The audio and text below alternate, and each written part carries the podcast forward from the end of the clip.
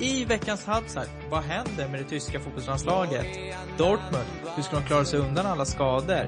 Och är det nytt hopp nu när Roberto Di Matteo har hamnat i tjacka? Det och mycket mer i veckans halvside.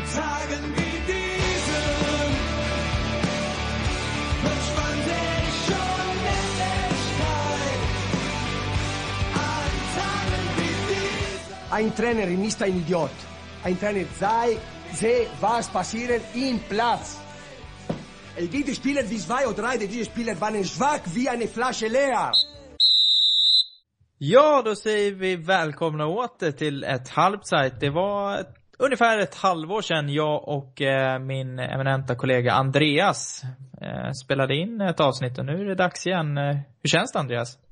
Ja, det känns ju eh, som eh, att göra comeback efter en eh, lång korsbandsskada en säsong när man nästan nått hela vägen till titeln känns det som. Inte för att jag upplevt det då men det känns ju ändå som att det är jävligt skönt att vara tillbaka och snacka av sig lite. Håller helt med, det är lite som en Thiago-skada med andra ord. Ja, ja precis. Eller, eller någon annan form utav skada, kanske Gündogan skada eller sådär. Eh, ja, eh, bedrövligt. Vi kommer att eh, prata lite Gündogan idag och lite annat kul. Vi har ju liksom missat väldigt mycket. Det har varit VM och Tyskland blir världsmästare och dess, ja vad ska man säga, dessvärre äh, Dessvärre missar vi det och eh, mycket annat. Men eh, vi kör igång som att vi inte har missat någonting alls eh, och eh, går direkt in på landslaget som eh, har spelat två matcher den senaste veckan och innan dess i eh, premiären av EM-kvalet så vann ju Tyskland med 2-1 mot Skottland på hemmaplan efter lite bekymmer och nu är det lite mer bekymmersamt får man väl ändå säga, eller hur Andreas, efter poängtapp mot ja. Polen och Irland. Ja, alltså det var ju eh, både matchen mot, eh, eller matchen mot Polen var väl liksom, eh, att förlora mot Polen på bortaplan det är väl liksom kanske lite mer acceptabelt även om det var första gången eh, det skedde på, på 19 försök liksom. Eh, däremot så tycker jag att tappa poäng hemma mot ett irländskt landslag utan att ha något emot dem så eh, så här direkt efter att man har vunnit VM-guld um, ehm, det är ju ställer ju många frågetecken och eh, eh, efter VM så vet man väl att det inte är Joakim Lööfs liksom, taktik som är, är problemet utan eh, det finns nog många andra eh, knopar att lösa upp där så att säga. Ja, och eh, du nämner ju frågetecken där och ett av de absolut största frågetecknen är ju ytterbackssituationen i det tyska landslaget. Eh, Philipp Lahm, som säkert de flesta vet, har ju lagt skorna på hyllan när det gäller landslaget och eh, med det så tappar ju Tyskland världens ja, bästa ytterback de senaste kanske tio åren. Eller hur Andreas? Ja, Måste vara där någonting.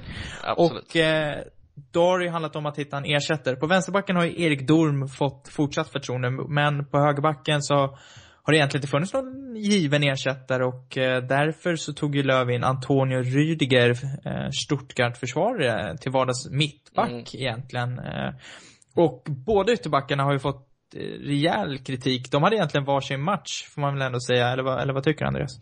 Uh, ja det kan man ju säga alltså, Antonio Rydiger är ju en uh, talang liksom som har varit på uppgång väldigt länge och är ett namn som uh, uh, nog många klubbar har haft koll på och kommer ha koll på under några år men däremot tycker jag att man inte ska glömma Sebastian Rudis, Rudis insats mot Skottland då måste det ha varit i alla fall som jag tyckte han gjorde en väldigt bra Eh, prestation ehm, som jag jämför med det man har sett av Rydiger här när han fick chansen så tycker jag att eh, eh Rudi verkligen ehm, eh, är ett namn som också ska tas i beaktning så att säga.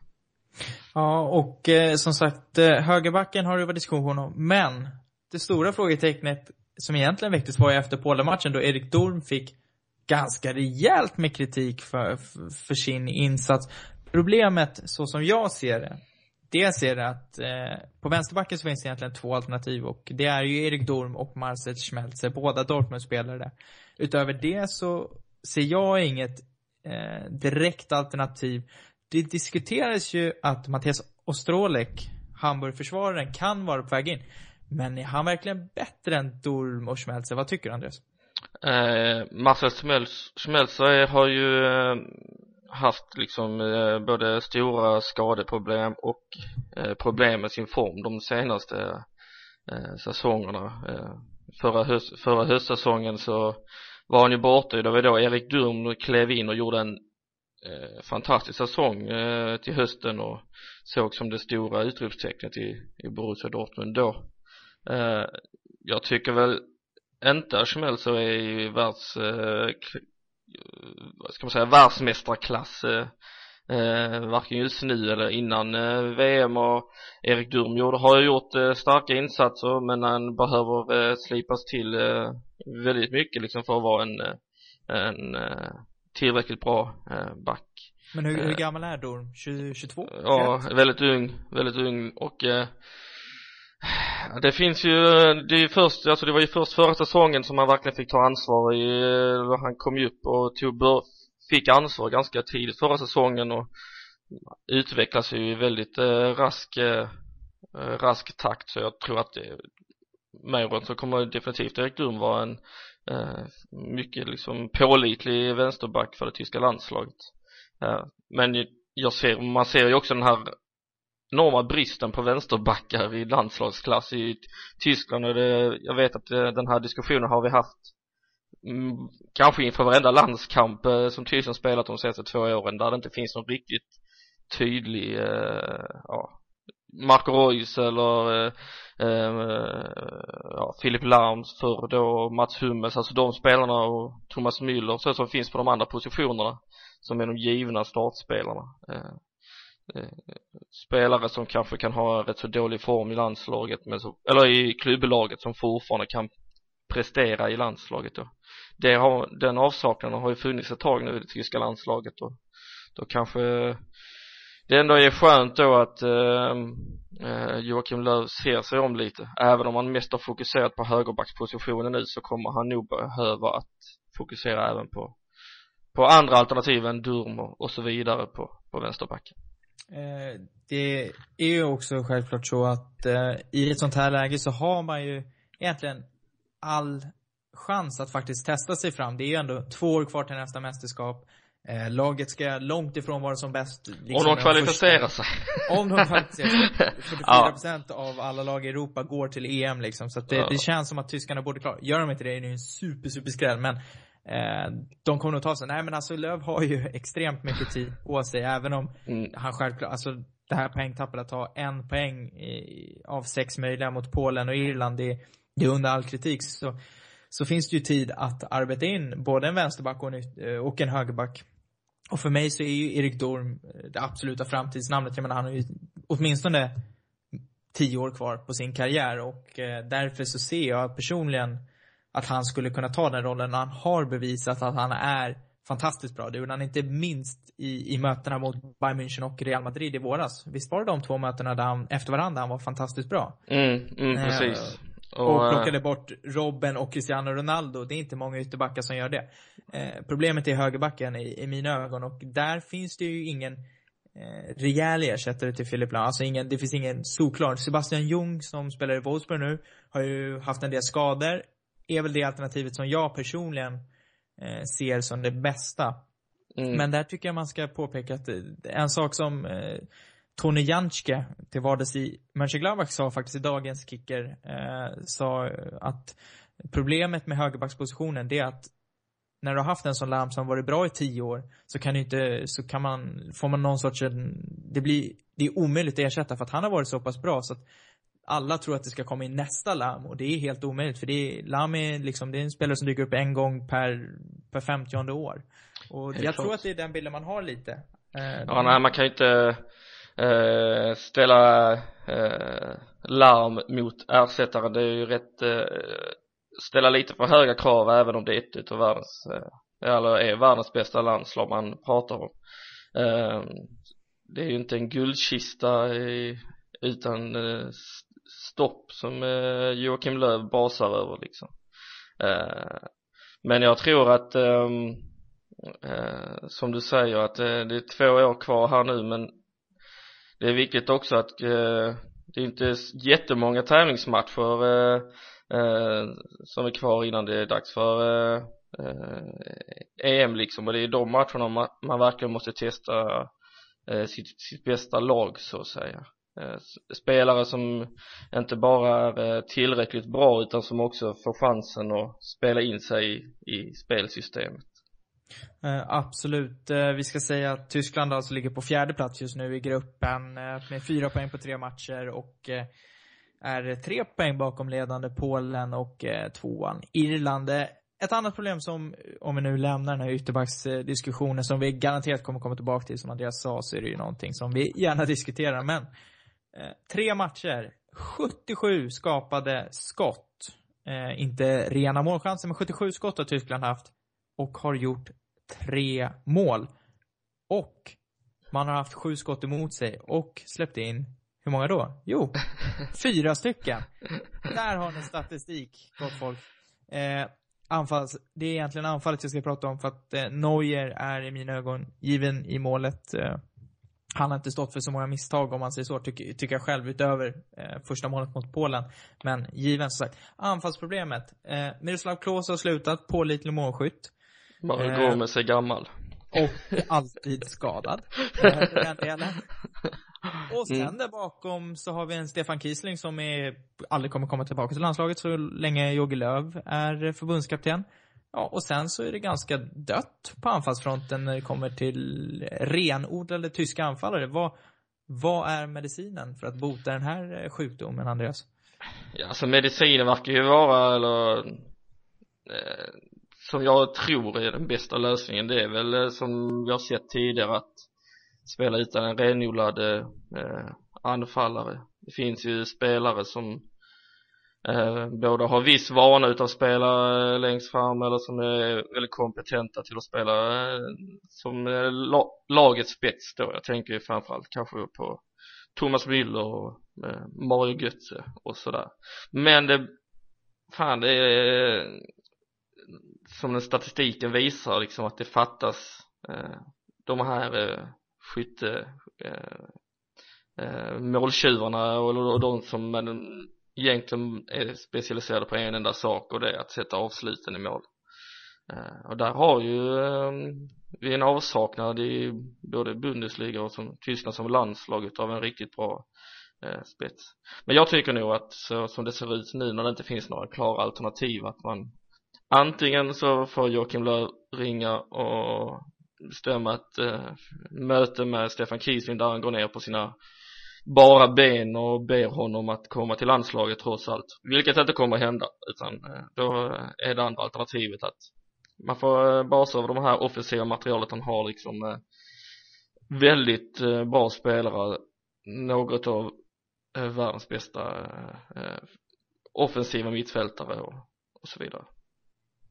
Ja, och då är det ju så att säga den här falska nian som Löv har försökt sig på i, ja, två, tre år nu i alla fall. Och eh, mitt alternativ om jag skulle få välja något, så är, det har jag tjatat om länge, jag tjatat om det redan när vi diskuterade eventuell landslagstrupp till VM, så är det ju Kevin Follan. Hoffenheim-spelaren som jag, inte kanske absolut superrenodlad anfallare, men så nära en renodlad anfallare man kan komma. Eh, tror att han skulle passa perfekt i det här landslaget faktiskt. Eller så slänger vi in eh, skrällen och tar in en, eh, jag vet inte hur gammal han är nu, han är väl en 31-32 nu men eh, hivar in Alexander Meyer i eh, längst fram Oj oj. Oj, kebabälskande Alexander Meyer från eh, Eintracht Frankfurt, shit, ja. det vore något. Ja, då, det vore kul. då skulle nog landslaget i alla fall eh, eh, spela rätt mycket på, på huvudet och inte så mycket smörspel kanske. Eh, Jäklar Men, alltså. Jag undrar hur han och Kevin Gråskröt skulle klara sin kebabduell Nej, jag är ju en av de som inte tror att Kevin Gråskröt blir så långvarig i landslag kanske men äh, äh, ja det är ju äh, två hetlevade spelare om inte annat Ja, yeah. det var nog allt från del 1. I del 2 så kommer vi att diskutera lite mer Bundesliga och den oväntade Bundesliga-tabellen. Så än så länge. Zweite. Välkomna tillbaka till del två av eh, Halvside som, eh, ja, vi börjar ju få upp farten rejält nu Andreas, eller hur? Ja, det var en lång paus vi fick. Ja, superlång paus. Eh, hoppas alla lyssnare har hunnit hämta kaffe och gå på toaletten och allt vad Ja. som händer i halvtid, höll jag på att säga. Mm. Eh, ja, Bundesliga-tabellen ska vi diskutera. Det har ju, vad ska man säga, det har ju redan eh, blivit tydligt hur årets säsong kommer att sluta. Bayern München ser ut att gå mot en extremt eh, tydlig Bundesliga-titel. Eh, ja, tror jag i alla fall. Eh, jag vet inte vad du tror Andreas, men så känns det. Och eh, det beror ju kanske mest på Ja, inte att Bayern är sådär extremt fantastiskt bra. De är ju bra såklart, men snarare att eh, huvudkonkurrenten och Andreas favoritlag, Dortmund, har eh, underpresterat ganska rejält får man ändå säga. Eh, det kan man ju, eh, när det kommer till Bundesliga, lugnt eh, påstå. Borussia Dortmund har ju en, eh, Eh, i den här säsongen så här långt i alla fall, en eh, Bundesliga-skepnad och så en eh, Champions League-skepnad. Och jag tror jag det sitter i tröjorna. Det är min eh, slutsats. Nej men det har ju verkligen varit en, en inledning på den här säsongen som har eh, verkligen varit under all kritik. Man kan ju, eh, vi pratade ju statistik om landslaget här innan också men om man ser på Dortmunds sju första matcher så har man gjort nio mål och det är inte bara lite för att vara Bundesliga utan också väldigt lite för att vara eh, Dortmund. Um, och eh, har haft eh, väldigt tufft här med jag tror att det är, eh, ja det måste det vara fyra raka matcher utan eh, seger här och visst eh, Schalke är ett utav de motståndare, men det är också Mainz som eh, utav mig och många andra Eh. tippade i botten, botten liksom och det Hamburg? Hamburg senast, alltså oavgjort mot Stuttgart. Två lag som hade det väl, Hamburg och Stuttgart två lag som hade det väldigt tungt i fjol, två lag som har haft det eh, tungt under inledningen av den här säsongen också. Eh, och ändå har Dortmund inte lyckats eh, kunna mäta sig eh, med det. Så att eh, vi får se här nu eh, Jürgen Klopp sa ju på dagens eh, presskonferens inför helgens match att eh, nu börjar liksom säsongen på på allvar för Dortmund och jag vet inte om man kan säga någonting annat men eh, för det har varit en väldigt eh, besvikelse till inledning Ja, för att eh, jag antar att det del antyder också att eh, det kommer tillbaka tre absoluta nyckelspelare till helgen, eller hur? Jajamän, eh, vi får väl se och vi får se alla eh, komma till eh, till start, eh, det tvekar jag väl på men eh, eh, Marco Reus och eh, Mkhitaryan är ju eh, friska ju. Och eh, Ilka Gündogan kommer ju med största sannolikhet eh, vara med i truppen då. Så att eh, Första gången på 14 månader ska sägas i Ja, Gündogan. jag tror att det är något upp mot 430 dagar nu sedan han spelade en match senast. Så då ska man komma ihåg att han eh, har hunnit med att både gå upp och skaffa sig en riktig eh, ölmage till att lyckas träna bort den igen. Så att eh, vi får se. Eh, det är ju ett, eh, ett väldigt angenämt läge för eh, Jürgen Klopp nu att eh, sätta ihop det här. Han har väldigt många spelare att välja på.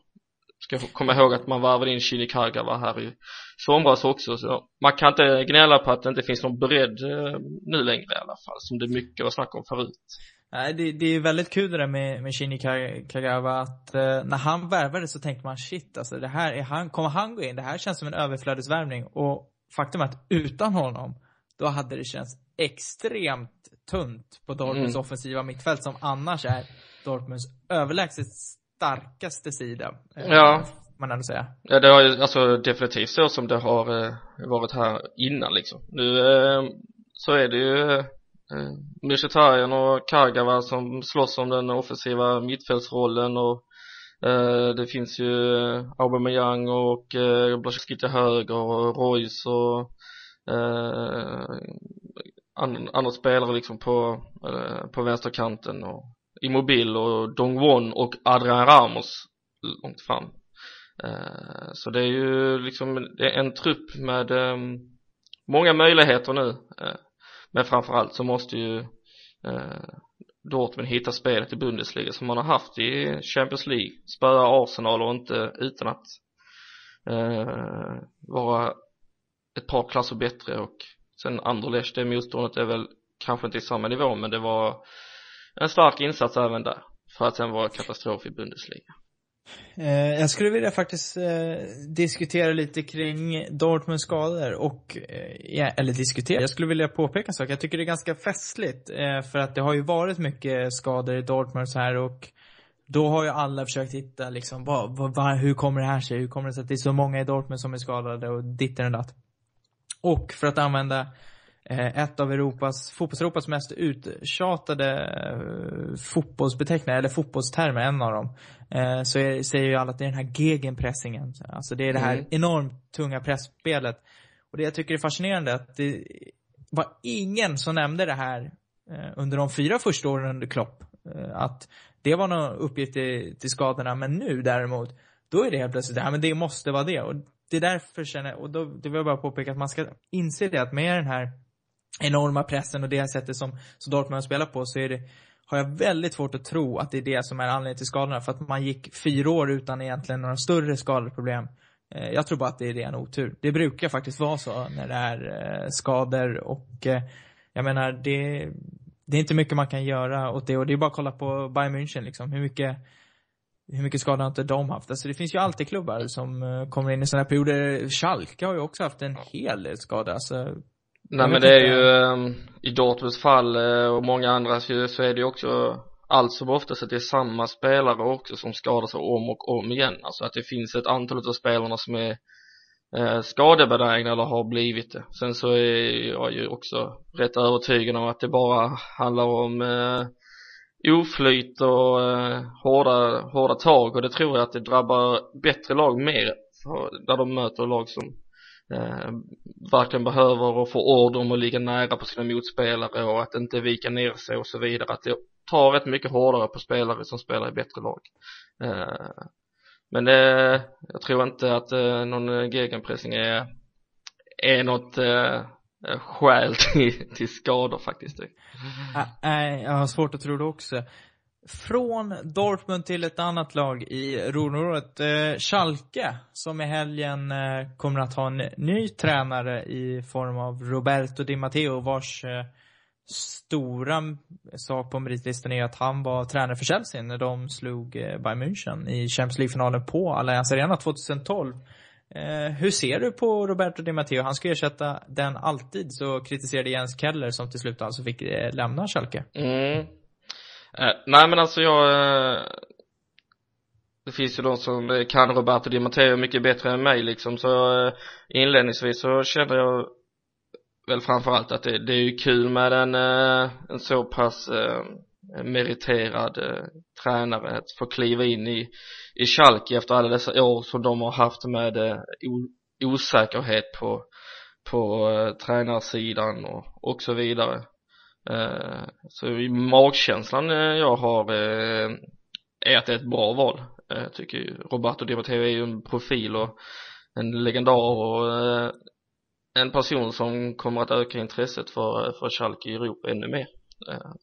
Så jag tror, jag kan inte så här innan jag har sett att Schalke uttala, vad, uttala om vad jag tror att han kommer förespråka för typ utav eh, eh, fotboll eller eh, om det kommer eh, eh, passa de Schalke-spelarna fenomenalt men jag eh, tror att han eh, eh, jag har en god magkänsla för att eh, Di Matteo kom in och kanske framförallt så känns det som ett bra läge att eh, göra sig av med, med Jens Keller. Eh, Schalke har inte eh, varit urusla i början men de har ju heller inte, de har ju redan halkat efter den här absoluta toppen liksom, precis som Dortmund. Eh, och det känns som att det har liksom fattats en del i eh, precis som tidigare. Eh, och Jens Keller har ju levt på eh, snöret ganska länge. Så att nu får vi slut på den, den frågeställningen som man har haft nästan varenda helg hur länge Jens Keller ska sitta.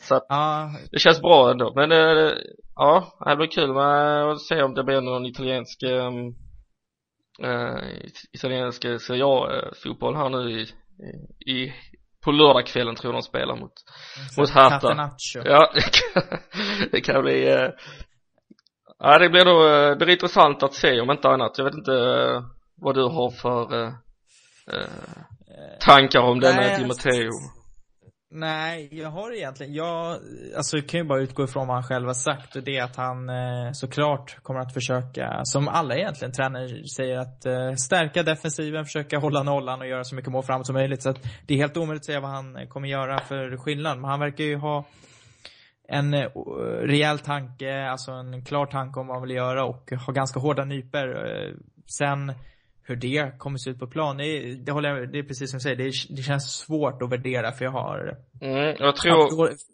för dålig koll. Ja, men jag tror också att det kan ha väldigt eh, positiv inverkan på en del av eh, spelarna i, i Schalke. Man pratar ju ofta om det när det kommer in en ny tränare att eh, spelare vill bevisa vad man går för. Och är det något det, det tror att jag att eh, Roberto Di Matteo kan eh, eh med sin pondus liksom komma in och att många av spelarna känner att de måste växla upp här nu och visa att de hör hemma i startelvan och så vidare. Eh, så det tror jag kommer gynna eh, dem väldigt mycket. Absolut, där har du ju verkligen en poäng att spelarna absolut kommer behöva framhäva sig själva och göra så bra reklam för sig, för sig själva som möjligt. Eh, jag vill ju, för att gå ifrån själva liksom vad Roberto Di Matteo kommer göra så vill jag gå tillbaka till vad som egentligen hände på de här extremt olycksaliga dagarna när eh, Kelle faktiskt fick sparken. Jag har ju varit eh, jag har skrivit det ganska länge att jag tycker att eh, Kelle borde man göra sig av med och sen mot slutet så började jag vackla för att jag tänkte att fan han, han gör ju resultat liksom. Det går inte att komma efter 22 månader som han ändå satt så han lyckades ju alltid överleva. Eh, sen förstod ju jag att han inte planerade framtiden, men vad jag vill komma till är att jag tycker det är fascinerande för att i sin sista match, nu kommer jag inte ihåg eh, vilka de förlorade mot, kommer du ihåg det? Uh, det, måste, det var Hoffenheim va? Det var Hoffenheim, så var det 2-1 och det som var fascinerande var att i det här läget så tänkte jag, nej men han, han blir kvar ett tag till. och han, Jens Keller då, åker på intervju på söndagen och sitter i så här tysk, typ, eh, vad heter det här, fotbollskväll och pratar med någon journalist och sådär och säger att livet är bra liksom, det är kul att vara tränare för Schalke för att det är en möjlighet som inte många får och han vill gärna jobba vidare och det ena och andra har uttalat sig om att han tror inte att klubben planerar en framtid utan honom. Samma kväll så säger då ordföranden att nej men vi kommer kolla på andra lösningar om det finns något och vi måste se över vem, vem som står och har gjort fel och sådär. Och sen smack, någon dag senare eller två dagar senare på tisdagen, då står helt plötsligt Roberto Di Matteo som tränare. Måndag kväll så får Keller sparken. Mm. Och här måste jag liksom bli så här, hur kommer det sig att klubben skickar iväg en tränare som är helt ovetande om sin framtid till att vara med i ett tv-program, ett, liksom ett välkänt tyskt fotbollsprogram. Som sitter och liksom uttalar sig helt ovetande. Alltså hela, hela den här PR-situationen. För mig så, så visar det någonstans på bristen i Schalkes organisation. Och det är att det finns ingen ordentlig organisation. Det verkar inte finnas ett samtal mellan de olika grupperingarna och jag, jag tycker Schalke framstår som en ganska dassigt driven klubb när man, när liksom det här sker. Eh, att Keller i sig får sparken och att Di Matteo kommer in, hur man agerar där, absolut, visst liksom. Men hela vägen till det här tycker jag man har, jag tycker det har varit jävligt dåligt skött av en klubb som är liksom en av de fyra största i Tyskland. Mm, ja nej, det, det jag kan uh, hålla med dig där. Men jag kan inte, ja. jag kan inte, uh, jag ska inte sitta här och säga att uh, eh, snacka skit om Schalke. Det känns inte som att jag är tillräckligt opartisk i den frågan. ja, nej men, eh, ja, det är ju väldigt, väldigt anmärkningsvärt får man säga. Sen så är det ju fascinerande att man liksom eh, en helg kan gå och eh, eh vinna ett eh, viktigt derby mot eh, värsta rivalen som Jens Keller gjorde för att sen kryssa i Champions League mot Maribor på hemmaplan och förlora mot Hoffenheim. Alltså de kryssar ju även borta mot Chelsea i Champions League-inledningen liksom eh, så man kan lugnt prata om ett eh, klubblag som har gått väldigt mycket upp och ner eh, eh man, man kunde ju faktiskt ha trott att efter den där Chelsea, eh, efter Chelsea-krysset kan man ju tro, om man ser på de bilderna efter matchen, tror man ju att Schalke har vunnit Champions League. Ja, det, alltså, det kanske det, var det de trodde, helt enkelt. ja, det, det, det, det, det är så, du ska bara veta, alltså det är nog det värsta jag sett. Alltså de bara hoppar och tjoar liksom. Ja, 1-1 mot Chelsea, jag vet inte. Ja, det är komiskt på något sätt. Mm. Ja, nej, det, vi får se vad det bär. En det blir kul sak... att se i alla fall. Mm. Ja, det ska bli jäkligt intressant. En sak till vill jag ta upp innan vi går på den sista delen där vi diskuterar helgens matcher och det är ju faktiskt de lag som har lyckats haka på i toppen eh, på ett eller annat sätt. Eh, Bayern München är etta på 17 poäng. Eh, fyra poäng före TSG Hoffenheim och Borussia Mönchengladbach som är två lag som faktiskt inte har förlorat i årets säsong och att Mönchengladbach skulle gå bra, det tror jag att både jag och Andreas var ganska övertygade om och eh, vi var nog ganska övertygade om att Hoffenheim skulle gå bra, men att de skulle ligga tvåa, det hade vi nog inte trott, eller, eller vad säger du Andreas?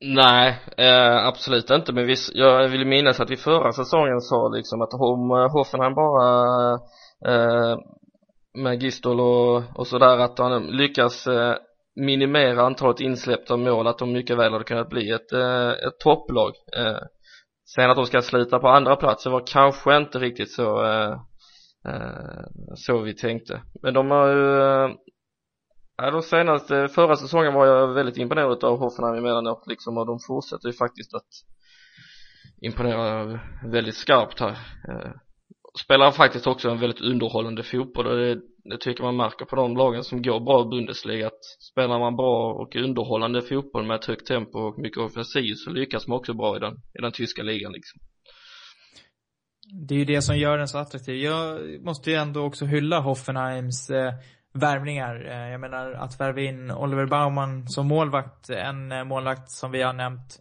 tror jag tidigare som mm. landslagsaktuell och Ja, jag såg honom faktiskt som en framtida Dortmund-målvakt när Weidenfeller skulle lägga av. Eh, jag tycker det är ett vasst val.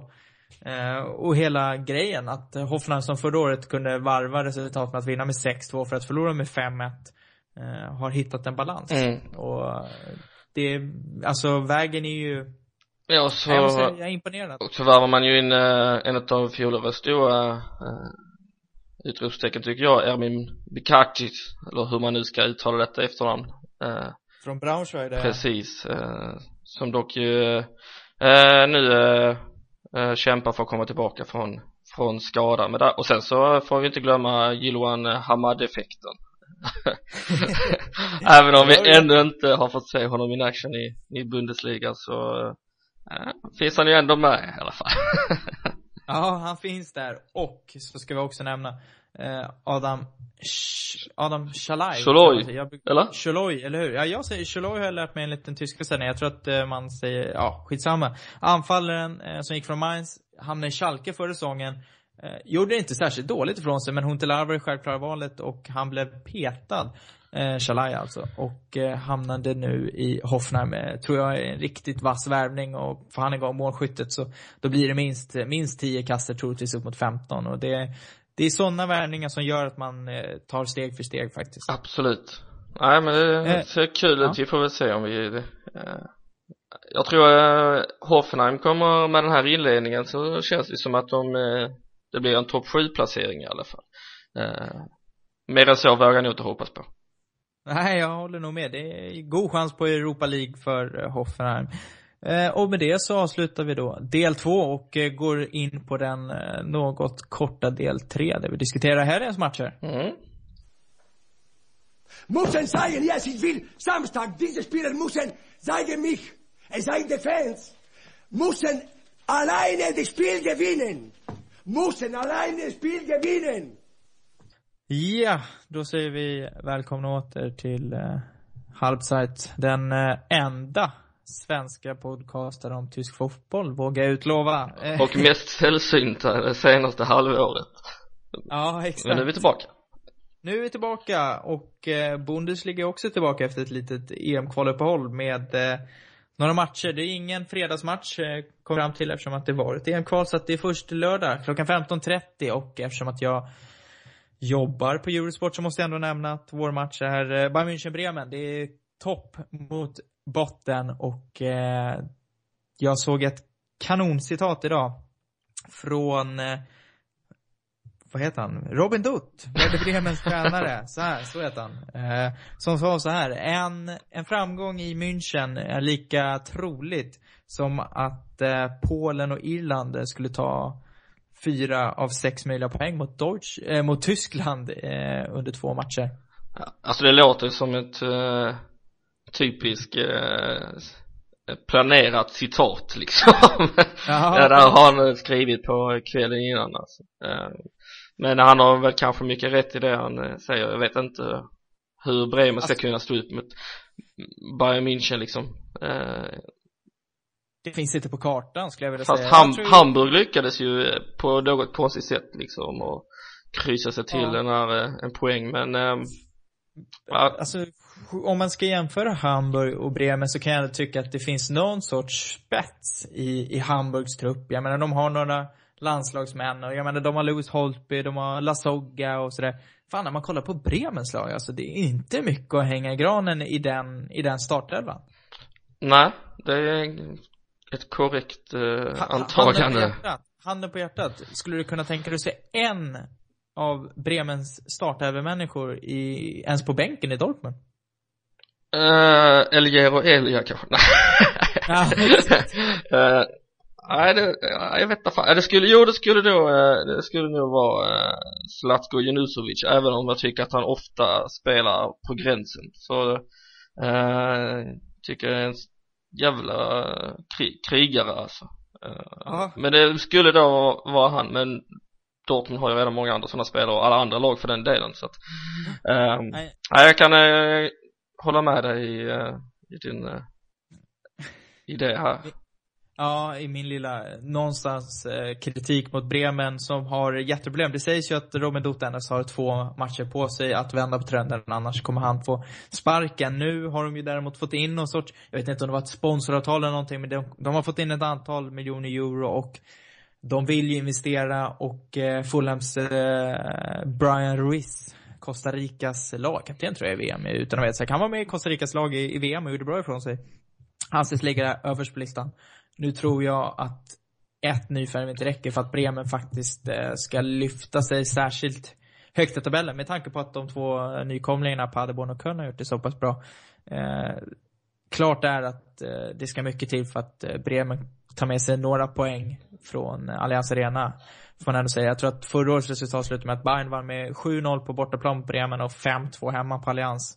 Mm. Eh, Jag kan, jag kan inte se att det skulle kunna gå på något annat sätt i, i år. Ja, nej. Så är det nog.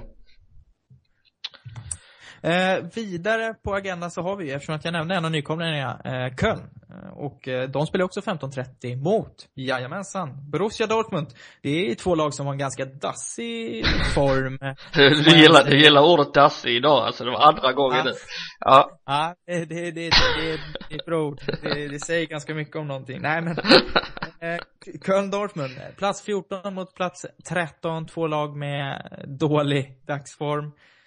Mm. Dortmund får man ändå säga favoriter. Eh, Ja, det får det, som att jag är tveksam. Självklart, Dortmund är ju favoriter i alla matcher utom en eh, per säsong skulle jag vilja säga. Eh, Och Ja, ja, vi får är väl- borta. Får väl se här. ehm, eh, det är ju alltid ett väldigt eh, intressant möte när Dortmund och Köln möts även om det i, i Bundesliga var ett eh, tag sedan nu men det är ju alltid mycket, mycket publik och Eh, som i alla andra matcher i Bundesliga i och för sig. Men eh, väldigt intressant. Så får vi se om Kevin Grosskreutz håller på Köln eller Dortmund i den här matchen. Han har ju på sitt Instagramkonto flera gånger nu eh, eh visat sin sympati för detta FC Köln. Men eh, han lär å andra sidan inte komma till eh, start. Men eh, möjligheterna finns kanske. Det eh, finns nog goda möjligheter för att han får lite speltid om inte annat. Den matchen kommer tyvärr inte sändas eh, på Eurosport för att det är Stockholm Open, men det kommer att finnas highlights eh, i eh, sändningen på lördag från Köln Dortmund. Och vill man se alla matcher så kan man ju köpa Eurosport Player, så jag har fått in det också. 9 spänn månader får du tillgång till alla matcher. Ja. Det är kanske inte kommenterat, men de finns där. Fungerar även, i, mo- fungerar även i mobiltelefonen under middagsbordet. Så dessutom ja, det. Exakt. Mm. Det har gjort supermycket reklam. Och Finns Sen- också en ny iPhone nu för övrigt. den har jag faktiskt. alltså där fick vi det bara. Ja, Ja, då går vi vidare. Eh, ja, lördag kväll har vi Schalke mot Hertha, Robert, Roberto Di Matteos debut. Kan vara intressant att se. Följt av söndagen och jag vet att jag och Andreas, var någonting vi klagade på förra året så var det att söndagsmatcherna var katastrof. Eh, mycket berodde på att eh, det var två eh, ganska tråkiga lag som spelade i Europa League. Jag tror att det var, vilka var det? Ja, Var det var Freiburg Freiburg och, kan det ha varit Mönchengladbach?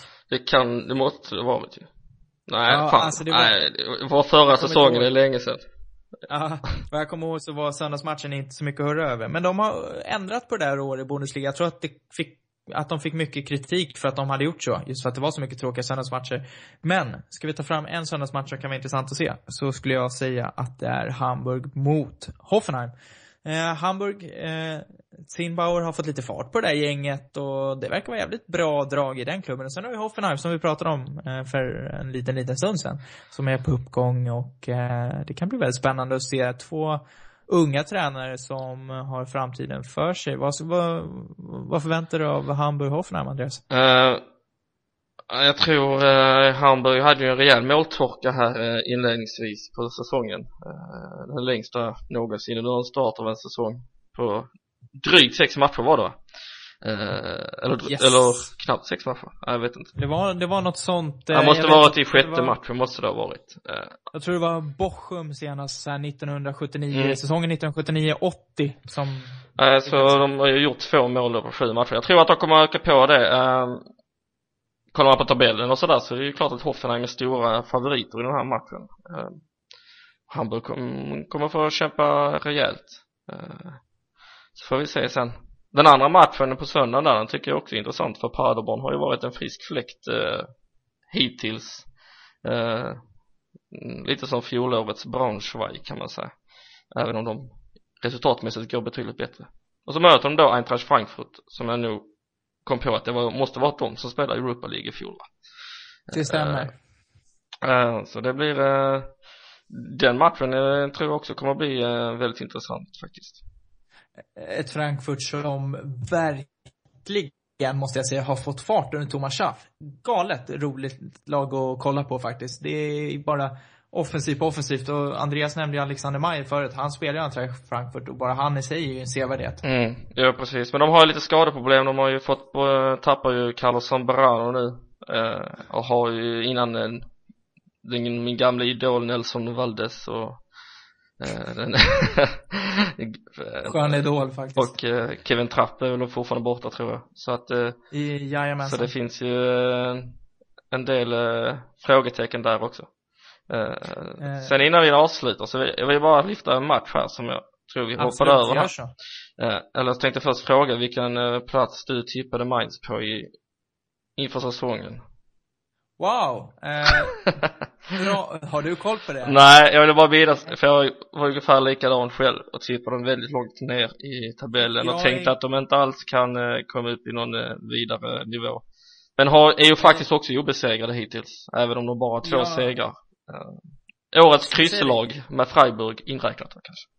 Eh, danske Kasper Hjulman har ju fått en ganska hygglig start där. Jag återkommer om 10 sekunder med vad jag har tippat på då, så får du fortsätta med vilken match Ja, man pinsamt ska- om du säger att du tippar dem sexa, för då blir det ju väldigt imponerande. Det har jag inte gjort, det kan jag lova. Sen kan man ju eh, snacka om ett annan, en annan profil då, förutom Adam Nilsson. Nu pratar jag lite här när du eh, letar eh, grejer. Det är ju den eh, eminente och alltid omdebatterade Niklas Bentner eh, som ännu inte riktigt har eh, eh kommit igång i sitt eh, nya lag Wolfsburg då som han värvades till i i somras. Eh, det har blivit, eh, jag tror det är två eller tre matcher från eh, start och eh, inte ens när man körde över Leverkusen så, så lyckades han eh, eh, eh göra mål. Mm.